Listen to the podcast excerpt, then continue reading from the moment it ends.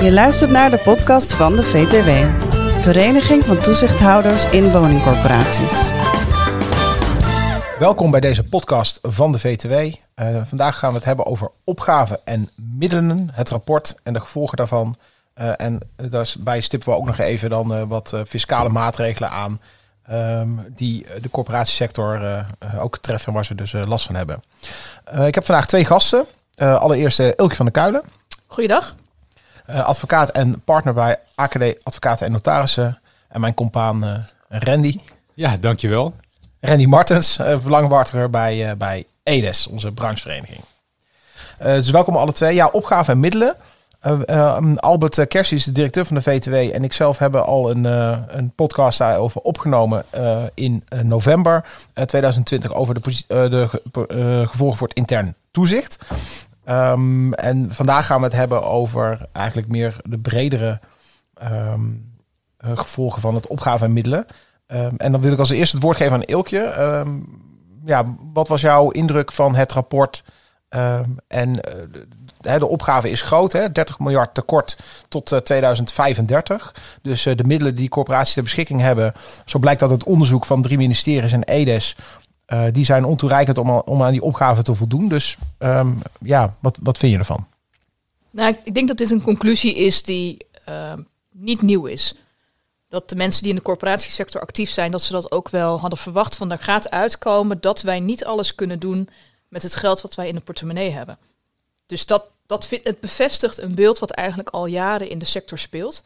Ik moet wel zeggen, het bedrag is enorm. En ook als je wat meer in het rapport gaat kijken, dan denk ik van ja, misschien is is het bedrag eigenlijk nog wel hoger dan die 30 miljard die nu genoemd wordt. Daar kun je nog wel wat kanttekeningen bij plaatsen, want wat je ziet, het is natuurlijk een rapport van drie ministeries en EDES. Je ziet daar ook, zeker als je kijkt naar de oplossingen, wel dat daar keuzes in zijn gemaakt. Dat er toch wat politiek ook in, in doorspeelt. Maar als je puur naar de berekeningen kijkt van wat is de opgave. We hebben het hier alleen over de opgave in de DAAP. Dus alleen de sociale huur, daar kijken we naar. Maar wat zien we nu in Den Haag, ook vrij recent nu weer met de buitenwerkingstelling van die marktverkenning, van corporaties. Jullie zijn niet alleen van uh, het huisvesten van mensen met een smalle beurs. Maar we verwachten ook iets van jullie voor de middeldure huur. Um, maar die opgave die zit niet in het rapport opgave en middelen. Maar dat, daar wordt wel weer naar corporaties gekeken of ze de komende paar jaar daar niet veel meer op kunnen gaan doen. Dan zou dat bedrag dus weer veel groter zijn, want dan is de maatschappelijke opgave ook veel groter.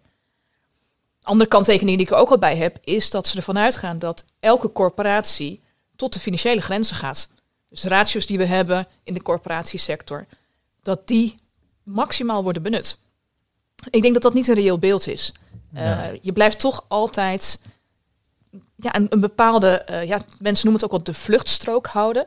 Dus met een bepaalde afstand van die ratio's blijf je uh, je bedrijfsvoering uitvoeren. Zeker omdat er ook die ratio's die kunnen bewegen als de marktwaarde bijvoorbeeld beweegt. En dat, dat is continu met de huizenprijzen.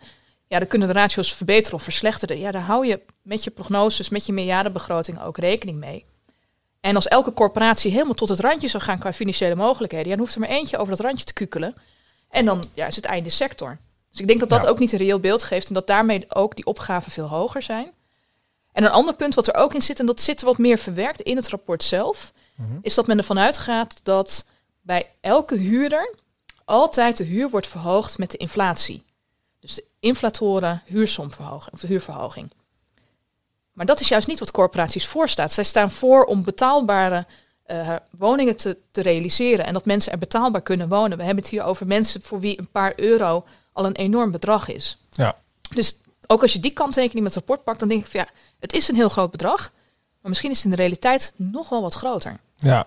Ja, Randy, ja, jullie hebben natuurlijk als EDES uh, meegewerkt aan de totstandkoming van het rapport. Um, jullie zijn nu, neem ik aan, bezig met ja, de, de, het verder doorrekenen van de financiële consequenties.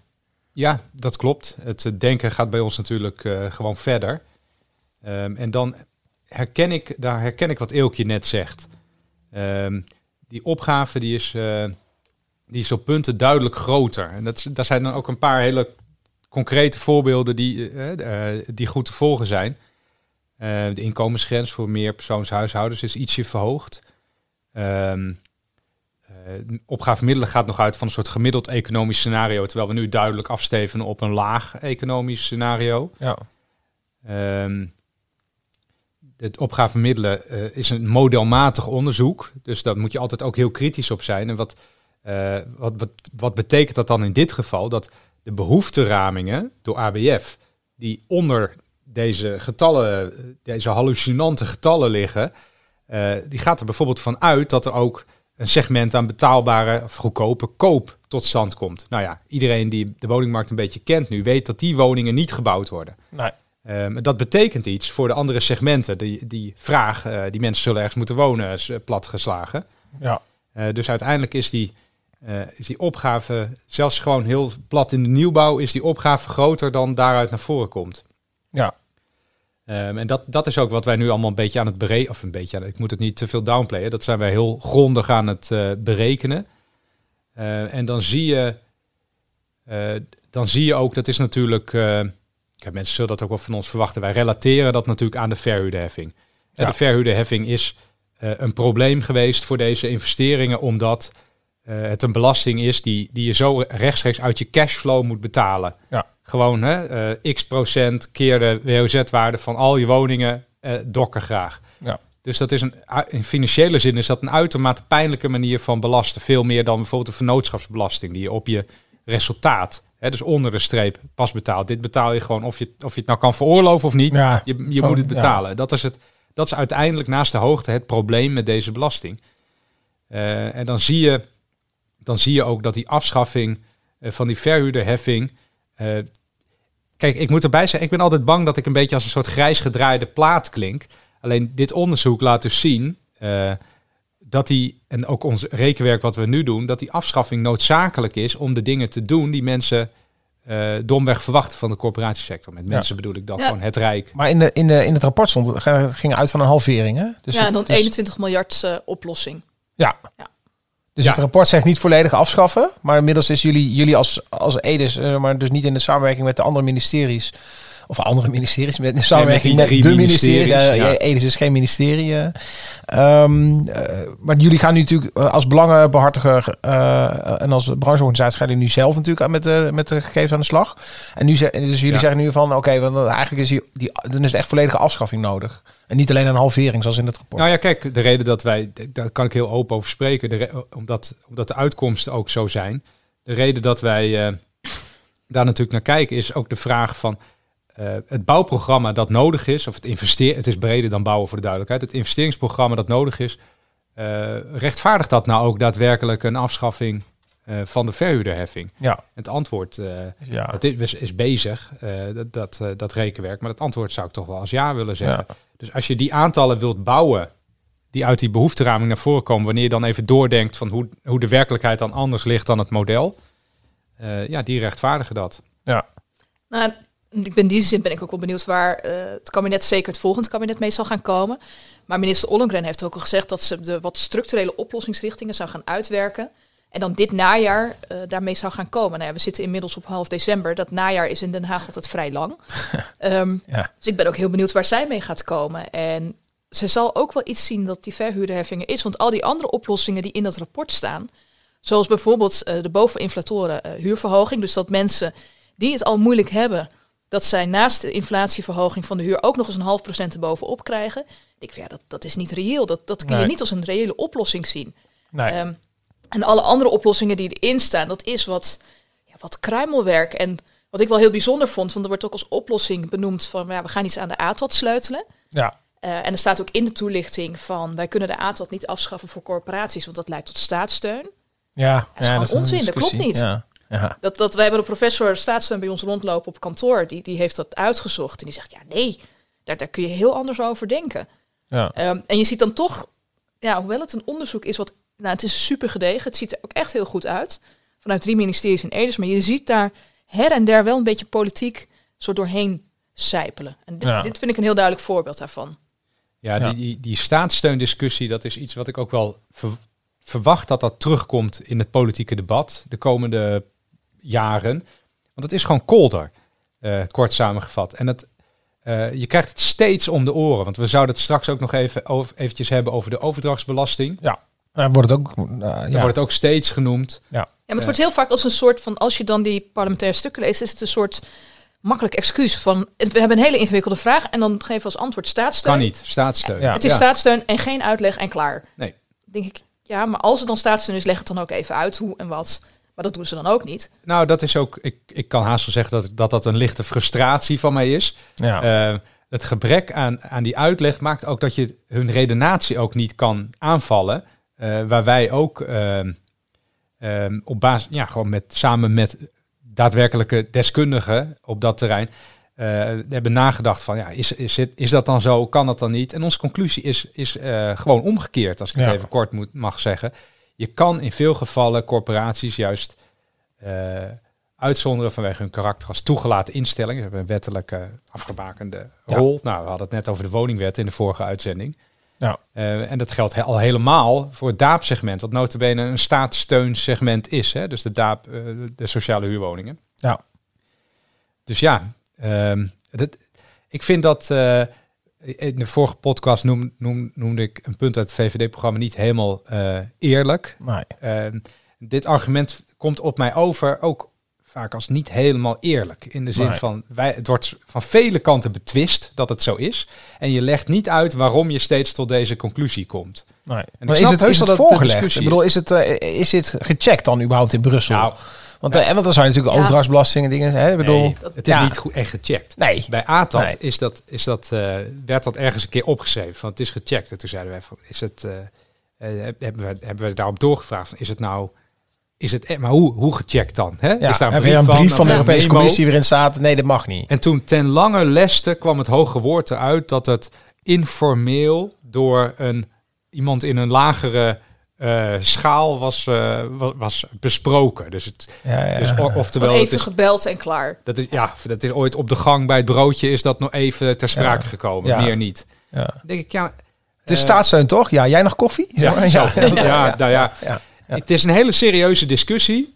Ehm, Ja, maar dat moet ook serieus dan wel worden behandeld. En ja, niet voer die af- dan ja. ook gewoon een keer. Ja. Nou, het gaat ook om serieus geld. Ja, zeker. Dat, dat ja. Voor corporaties is het, als je dan weer terug gaat naar opgave middelen, van je ziet gewoon dat dat, dat geld brood nodig is. Ja. Eh, en dan als je kijkt naar de fiscale druk die er is, want dat is natuurlijk ook die conclusie in het rapport, uiteindelijk van er gaat meer uit dan dat erin komt. Ja. ja dat, het is vrij makkelijk te begrijpen als je gewoon al naar je eigen huishouden kijkt. Maar een van die oorzaken met wat er allemaal uitgaat, is gewoon die, die fiscaliteit. Is de overdrachtsbelasting, is dus de vennootschapsbelasting, is de verhuurderheffing. Ga maar door. Ja, misschien is dat, Ja. is dat wel aardig om even één seconde dieper op in te gaan. Dat, ehm, het wordt vaak genoemd dat wat corporaties doen qua investeringen, dat dat onrendabel is. En dat roept altijd heel veel vragen. Dat is ook heel terecht, vind ik. Dat roept heel veel vraagtekens op van hoe zit dat nou eigenlijk? Ja, hoe zit het daarin? Die? Dus elke keer, goede vraag. ja, ja. Hans. Ja. Als een corporatie socia- een sociale huurwoning bouwt, dan heeft hij een onrendabele top.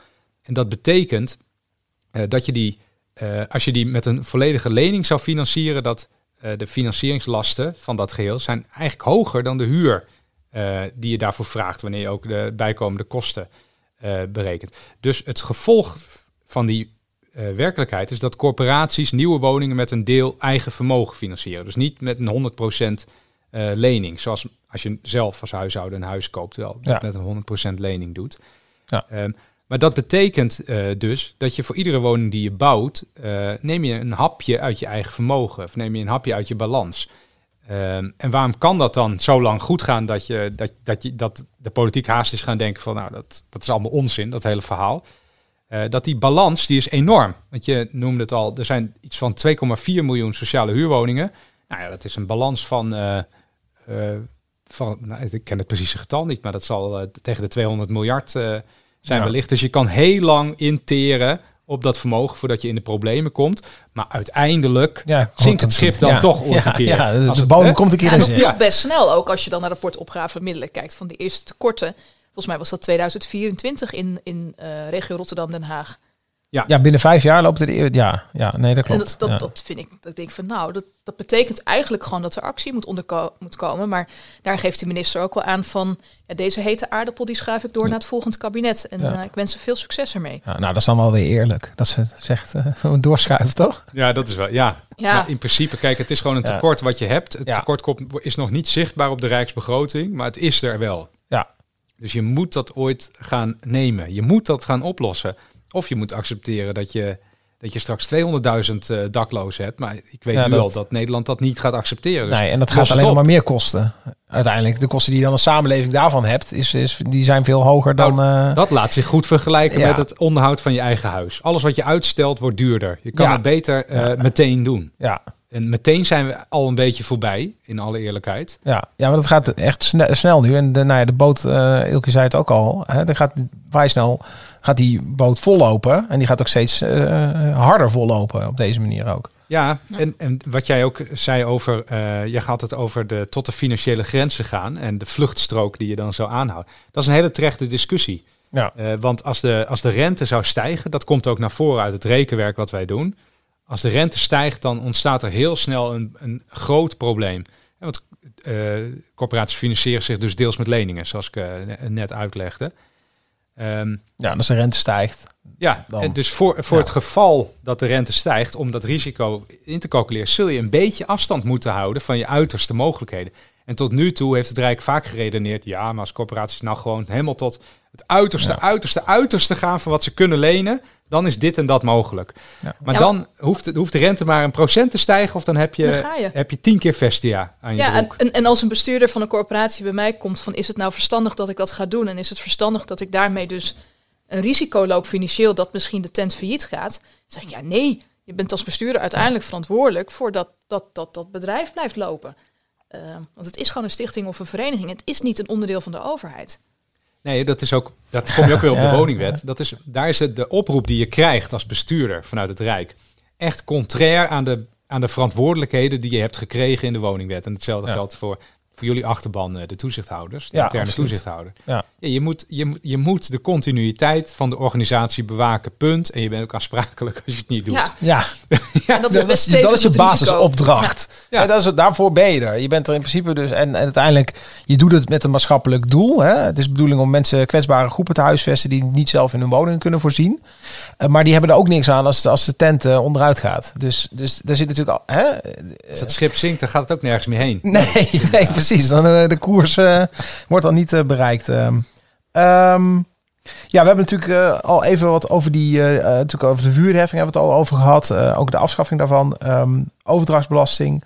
Ja, want dat is nog wel een puntje wat, wat recent opkwam. Hè. Dat was met het belastingplan uit 2021 eh, in de aanloop daar, daarna in de Tweede Kamer. Dat was de bedoeling dus, het voorstel was dus om van, ik geloof, 3 naar 8 procent te gaan. Ja, En ja, dat wordt dan eh, ineens heel ingewikkeld voor corporaties. Ook bijvoorbeeld, we hebben, eh, je noemde net Vestia al. Hè, daar werd natuurlijk eh, met een aantal eh, eh, ehm, eh, maatwerkgemeenten werd gesproken over de overname van Vestia bezit. Ja, als dat niet voor 1 januari zou af, afgerond zou zijn, dan zou je wel echt in de problemen komen. nee, dat dreigt even echt een gigantisch Ja, ja. probleem te ontstaan. ja, Dit is ook.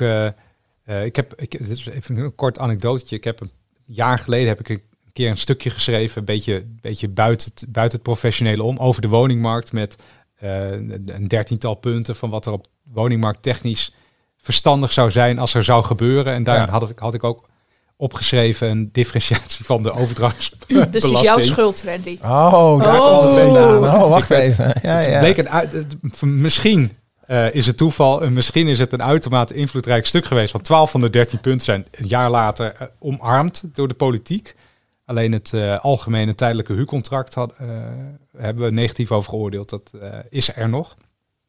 Maar goed, de overdrachtsbelasting, daar hadden we natuurlijk de, de, de reden, ook de reden die het Rijk aanvoert om die overdrachtsbelasting te differentiëren, Ja. is om starters te helpen relatief ten opzichte van beleggers. Ja. Want het kadaster kwam vorige week ook met eh, een nieuwtje dat 40% van de woningen in de grote steden, in de vier grote steden, wordt gekocht door particuliere beleggers. ja. Dus als starter word je er totaal uitgeconcureerd op dit moment. Ja. Dus op zich het is goed dat, ze, dat, daar, hè, dat er dat in ieder geval dat er na wordt gedacht over van hoe kunnen we dat nou voorkomen. Alleen het middel is hier weer eigenlijk een paardenmiddel. Want het heeft Nou ja, dus eigenlijk hele negatieve consequenties. Corporaties worden ook meegenomen. Ja. En dat, ik snap vanuit het ministerie van Financiën, denk je ook van iedereen heeft wat te zeuren.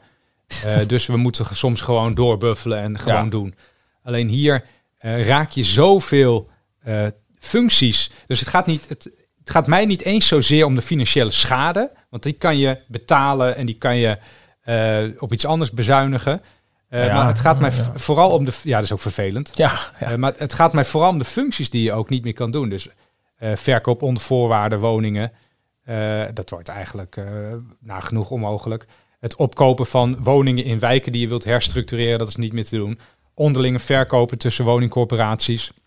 eh, die, eh, eh, die bijvoorbeeld eh, hun regionale bezit beter willen herschikken. Iets wat de woningwet ook vraagt. Hè? ja. Eh, maar goed, eigenlijk de facto omhoog. Ja, maar er- er is Ja. wel wat, wat licht aan het einde van de tunnel. Ja, want het is wel een oplossing, of in ieder geval het begin van Ja. een oplossing in zicht. Hè? Ja, sorry Dus- voor mijn, voor mijn lange Ja. aanloop. Er is Nee, inderdaad ja. Een, een, een soort oplossing gevonden. Namelijk in de fiscaliteit bestond al de route van eh, taakoverdracht tussen ambies. Ambies zijn, eh nou, kennen mensen als goede doelen.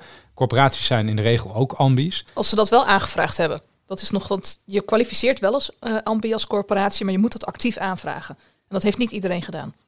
Nee, mijn beeld is wel dat de, de overgrote meer... Ik krijg daar een soort melding van als iemand dat eh, afzegt of zo. Of als, als dat ophoudt. Dus Oké. zo kwam, daar kwam ik op een keer Ja. achter. Blijkbaar loopt dat dan een lijntje via Edes. Ik weet eigenlijk niet precies hoe het zit verder. Oké. Maar mijn beeld is wel dat de overgrote meerderheid is het. eh, is dat dan? Eh, en dat wordt nu ook wel heel belangrijk vanwege die overdrachten. Maar er zitten, ik zal niet te diep in die techniek van die fiscaliteit gaan, maar er zaten wat beperkingen aan. ehm, die in de praktijk betekent dat het eigenlijk niet kon. Ja. Ehm, en die worden nu verruimd. En de, de, schat, de inschatting is dat iets van twee derde van de onderlinge verkoop kan je dan kwalificeren als taakoverdracht. Ja. Wat betekent dan taakoverdracht? Dat je niet alleen één woning, dat ik één woningje aan jou verkoop, als, als wij corporaties zouden zijn, Mhm. eh, maar dat, je, eh, dat het moet echt een, een, ehm, een, een pakket zijn en een samenstel van activa en passiva. En niet, en ook bijvoorbeeld, er gaat iemand van het personeel over, dan wordt het echt een taakoverdracht. ja, precies. Ja. Het moet meer zijn Ja. dan alleen een verkoop.